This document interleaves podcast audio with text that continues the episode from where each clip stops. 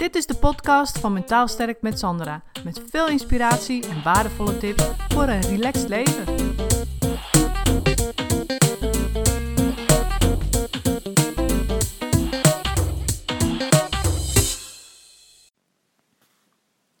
Een tijdje terug keek ik altijd heel graag filmpjes uh, van vroeger. Weet je wel, van die zwart-wit beelden waarin het leven er eigenlijk gewoon heel makkelijk en leuk uitzag. Heel overzichtelijk, weet je wel. Uh, moeder was thuis uh, met de kinderen en vader was aan het werk. En ja, niet al die moeilijke apparaten die om twee jaar kapot gaan. Of um, veel keuze in de supermarkt tussen 20 verschillende pakken muesli en uh, 50 potten jam. Nee, het was allemaal heel overzichtelijk. Het was een stuk minder gestrest. Tenminste, dat idee had ik altijd. En ik had altijd zoiets van, oh, wat, wat moet dat fijn geweest zijn, weet je, om in, in de vroegere tijd te leven. Toen het allemaal nog niet zo, uh, ja, met veel prikkels was en veel keuzes en met veel uh, informatica, weet je. Dus de, de, de tv, internet, radio, al die dingen die je heel de dag door kunnen beïnvloeden. Dus daar keek ik dan altijd naar en dan dacht ik, jeetje, dat, dat, volgens mij is het hartstikke fijn om vroeger geleefd te hebben. Maar ja, we leven nou eenmaal niet vroeger. En toen ben ik daar ook zo over na gaan denken.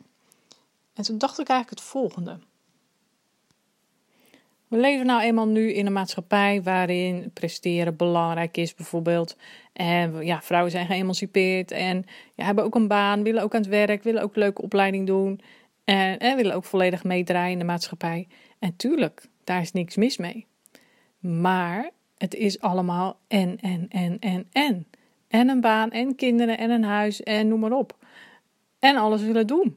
En ook vooral uh, aan de buitenwereld willen laten zien: kijk mij nou eens. Want dat is natuurlijk ook wat er gebeurt met social media. Er wordt toch heel veel uh, naar je gekeken. En jij wil ook, net als die anderen, laten zien hoe tof en hoe gezellig en hoe leuk jouw leven is. Dus dat legt ook nog eens een extra druk op je leven. En toen dacht ik ook ineens van hoe kun je het nou gewoon simpel houden voor jezelf? In deze overprikkelende maatschappij. Waarin presteren belangrijk is en, en al die dingen. En social media ook belangrijk is. Hoe kun je het nou voor jezelf simpel houden? Nou, ik heb daar in mijn leven ook wel uh, al over nagedacht. En ook bewust mee bezig geweest in het maken van keuzes. Want bijvoorbeeld, zo heb ik er nooit voor gekozen om samen met mijn man een groot huis te kopen. We hebben altijd, of nou ja, we hebben totaal maar twee huizen, maar in ieder geval uh, ooit uh, gekocht of een hypotheek op gehad. Maar um, we hebben altijd gedacht, we moeten dat huis van één salaris kunnen betalen. Dus we hebben nooit een tophypotheek genomen. Dus ook nooit het, uh, het grootste of maximale wat we konden betalen. Maar altijd een slag kleiner genomen, een slag minder. Zodat, je in ieder geval, zodat wij in ieder geval wisten van... hé, hey, als er iets mis is, een van salaris of het andere salaris valt weg... dan kunnen we ons huis nog gewoon betalen. Want als je erover nadenkt, is natuurlijk een hypotheek is gewoon echt een, een ding. En stel dat je een hele dure hypotheek hebt, of een aflossingsvrije hypotheek, of een uh, hypotheek. die heb je natuurlijk ook al een poos, heb je dat allemaal, hebben we daar in Nederland mee te maken gehad. En dat, ja, dat, dat die schuld van die hypotheek op je drukt. Of het is misschien wel crisis en je huis staat onder water. Uh, of om andere redenen heb je misschien een gedeelte uit je hypotheek moeten opnemen, waardoor je huis onder water staat. En als je het nu zou verkopen, zou je restschuld hebben. Nou, al die dingen zijn natuurlijk allemaal mogelijk. En dat kan er enorm voor zorgen dat je heel veel financiële druk hebt. En wat gebeurt er natuurlijk als je heel veel financiële druk hebt? Dan moet je blijven werken dan moet je ook als vrouw moet je dan blijven werken. Want ja, die hypotheek moet betaald worden of die restschuld moet worden afbetaald. Of anders moet je je huis uit. Dus als je daarover nadenkt, is een hypotheek eigenlijk best wel een soort van bron van, uh, ja, nou ellende eigenlijk gewoon. Want uh, het zorgt ervoor dat je verplichtingen hebt. Dat je dingen moet. Je moet aan het werk om je hypotheek te betalen. En ja, dan heb je eigenlijk weinig keuze. Dus zo'n enorme schuld, zo'n hypotheekschuld, is gewoon een enorme druk. En ja, dat is natuurlijk een ding. En dat kan je in je greep houden. Dat kan ervoor zorgen dat het moeilijk voor je wordt om te kiezen. Dat je eigenlijk alleen maar ja, bezig bent met overleven en het geld binnenhalen en noem maar op. Maar hoe kun je dat nu voor jezelf simpel houden? Dat begint dus met het maken van keuzes die je leven simpel houden. Dus geen hoge hypotheek of te hoge hypotheek. Niet dat per se dat grote huis willen ten koste van alles. Of die dure auto er ook nog eens bij. Want ja, dan heb je alleen maar meer verplichtingen en alleen maar meer druk om dat werk te blijven doen. terwijl je werk misschien helemaal niet leuk vindt of uh, ja, er is iets aan de hand wat, waardoor je er heel negatief gedoe is. En ja, je gaat eigenlijk niet eens met plezier naar je werk. Maar ja, het moet, moet, moet allemaal vanwege al die financiële verplichtingen die je hebt. Dus dat is keuzes maken om je leven simpel en overzichtelijk te houden. Dus wat ik bijvoorbeeld nog meer doe, is ik krijg gewoon een oude auto.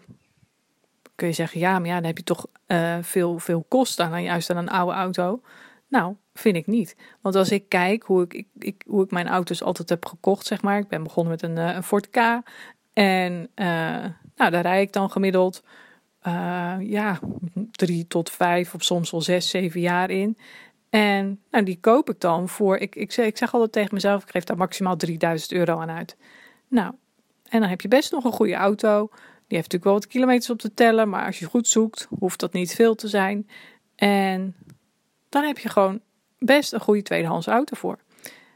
En die rijd ik dan gewoon helemaal af. En als ik dan kijk wat me dat per jaar aan afschrijving kost, dan is dat veel en veel minder dan dat ik een nieuwe auto zou kopen. Als je een nieuwe auto koopt, bijvoorbeeld 15.000 euro, en je rijdt uh, over zeven jaar, uh, je rijdt er zeven jaar in. Nou, wat is zo'n auto dan na zeven jaar nog waard? Nou, als je geluk hebt, de helft. Dan heb je dus uh, ruim 7000 euro, ben je dan gewoon kwijt. Maar als ik een auto van 3000 euro zeven jaar rij, ja, en het, hij levert op het eind nog misschien 500 euro op, dan ben ik maar 2500 euro kwijt. Snap je? En als ik een beetje een auto uitzoek die gewoon goed is en die goed onderhouden is, dan kun je in een auto tegenwoordig ook gewoon best lang rijden, ook in een oudere auto. Zonder al te veel kosten. Tuurlijk, er zijn dingen die vernieuwd moeten worden, maar dan maak ik dus ook weer een bewuste keuze door te zeggen: oké, dan koop ik een automerk wat niet duur is in reparatie en in onderhoud. Dus waarvan de onderdelen goedkoop zijn. Dus als je bijvoorbeeld een BMW koopt, ja, dan weet je, de onderdelen zijn daar een stuk duurder van. Of een Mini Cooper, ook allemaal dure onderdelen.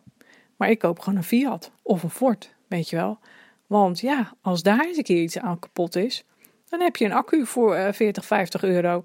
En weet je, dat zijn dan de kosten niet. Dus hoe hou je het simpel voor jezelf en overzichtelijk voor jezelf? Valt en staat dus weer met de keuzes die je voor jezelf maakt. En ja, weet je, dan rijd ik in een oude panda rond. En er is niemand die tegen mij zegt van, uh, goh, wat heb jij een mooie auto? Nee, maar dat, dat hoeft ook niet van mij, weet je wel. Dat, daar zit ik niet op te wachten. Dus dan is het wel belangrijk dat je daarin ook jezelf durft te zijn. En dat je niet gaat voor het stukje, ja, eh, eer, macht of status of wat dan ook wat het je oplevert. Want als je daarvan afhankelijk bent, ga je dus verkeerde keuzes maken.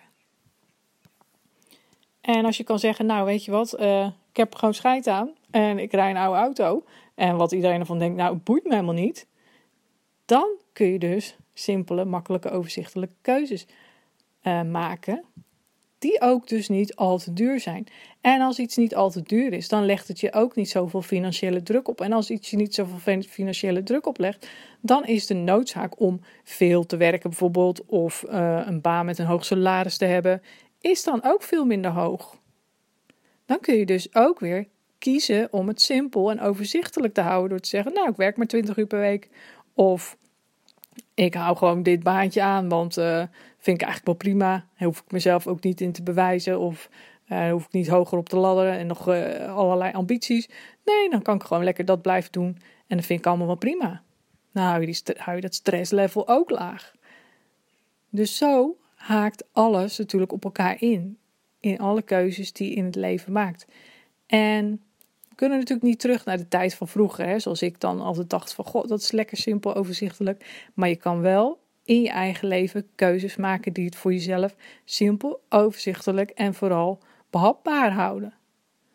Want ik ben ervan overtuigd dat die druk die we hebben vanuit de buitenwereld, social media, om maar het tof uit te zien, leuke kleren aan te hebben, overal in mee te doen, ook die auto te hebben, een groot huis met een leuke inrichting, het liefst als VT wonen en noem maar op. Hè, om daar allemaal aan die druk en aan die verplichting te voldoen, is het belangrijk dat je sterk in je schoenen staat en zegt: nee, maar weet je, ik maak hierin gewoon mijn eigen keuzes.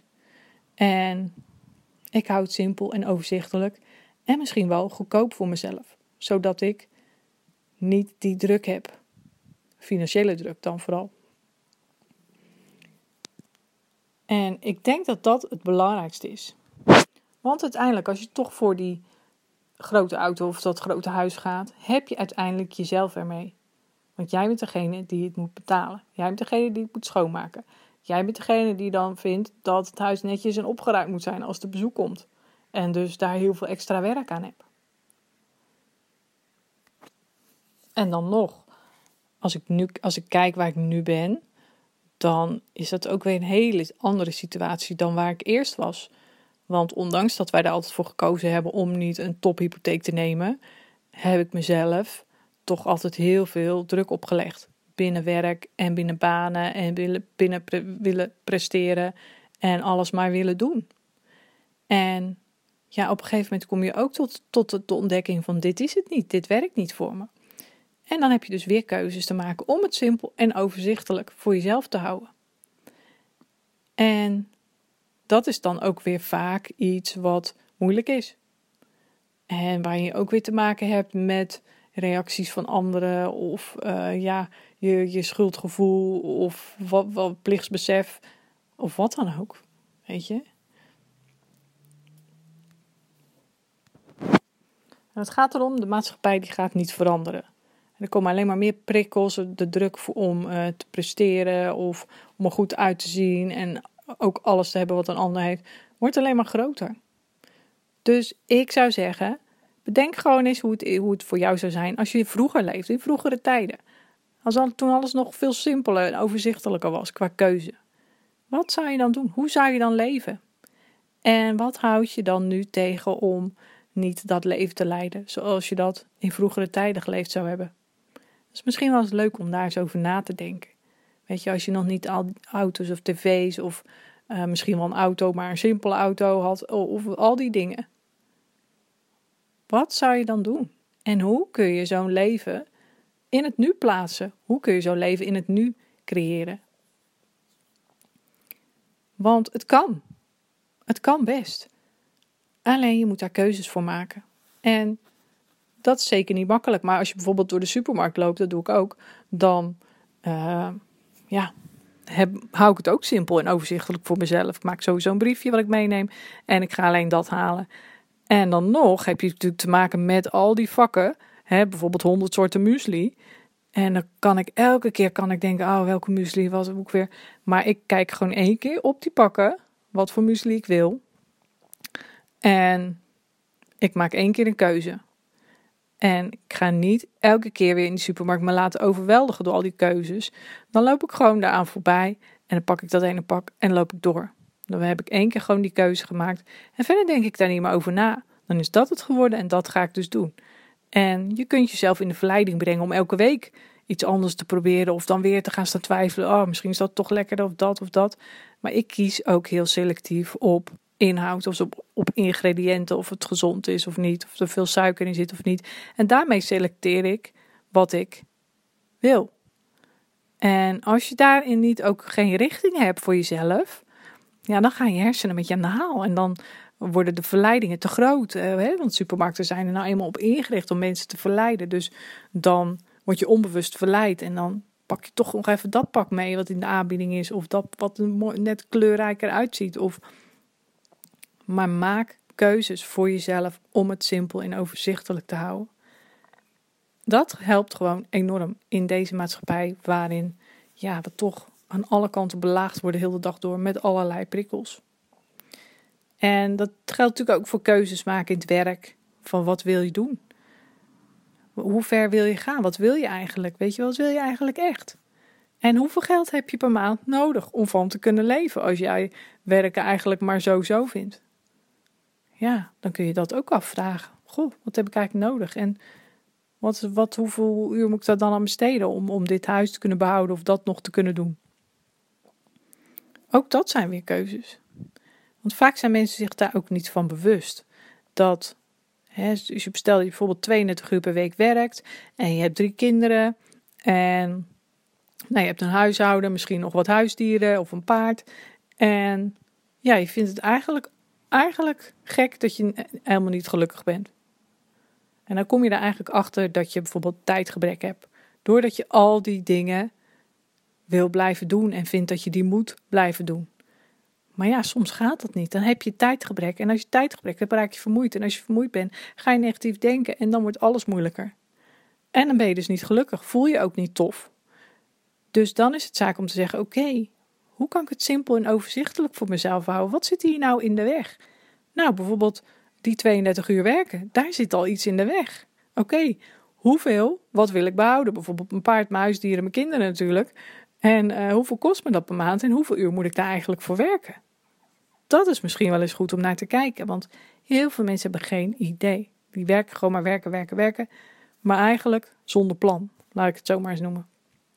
En voor je het weet ben je overwerkt. Dus misschien heb je maar 20 uur per week nodig om die dingen te kunnen doen die je blijven doen. En misschien als je een paar dingen schrapt, hè, kom je dus aan die 20 uur. Nou, dan heb je dus 12 uur over om leukere dingen van te doen. Om je leven op een andere manier mee in te richten. En dat is natuurlijk super waardevol. Dus ga eens voor jezelf kijken. Hoe kan ik mijn leven nou een stuk simpeler en overzichtelijker houden? En het mezelf een stuk makkelijker maken. Misschien wel financieel, misschien qua tijd. En alles daarin valt of staat met keuzes maken. Dus ik hoop dat ik hiermee heb geïnspireerd om daar eens over na te denken. En misschien zelfs wel stappen in te ondernemen. Ik zou het leuk vinden als je een reactie hierover achterlaat. Ik hoor het graag van je. En bedankt voor het luisteren en dan tot de volgende aflevering. Bedankt voor het luisteren. Het is mijn intentie om met deze podcast waardevolle inzichten te delen die je kunt gebruiken voor je eigen leven en die je helpen groeien in je persoonlijke ontwikkeling. Wil je voortaan alle verhalen bij elkaar hebben staan? Abonneer je dan even op Mentaal Sterk met Sandra op iTunes of Stitcher. En ben je enthousiast over mijn verhaal? Dan zou ik het superleuk vinden als je een review achterlaat. Dat kun je doen in iTunes of Stitcher en geef je bij beoordelingen en recensies een korte review. En ben je echt enthousiast? Geef dan 5 sterren. Dat zorgt ervoor dat ik hoger in de ranking kom te staan en nog meer vrouwen kan inspireren tot een relaxter leven. Dank is groot als je dat even voor me wilt doen. Tot de volgende keer bij een nieuwe uitzending.